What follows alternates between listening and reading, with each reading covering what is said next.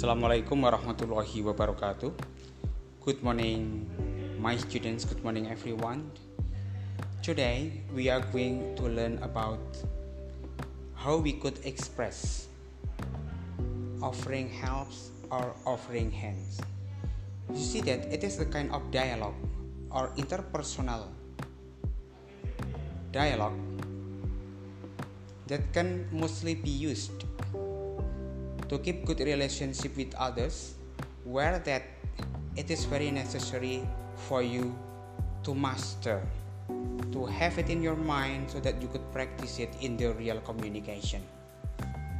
Thank you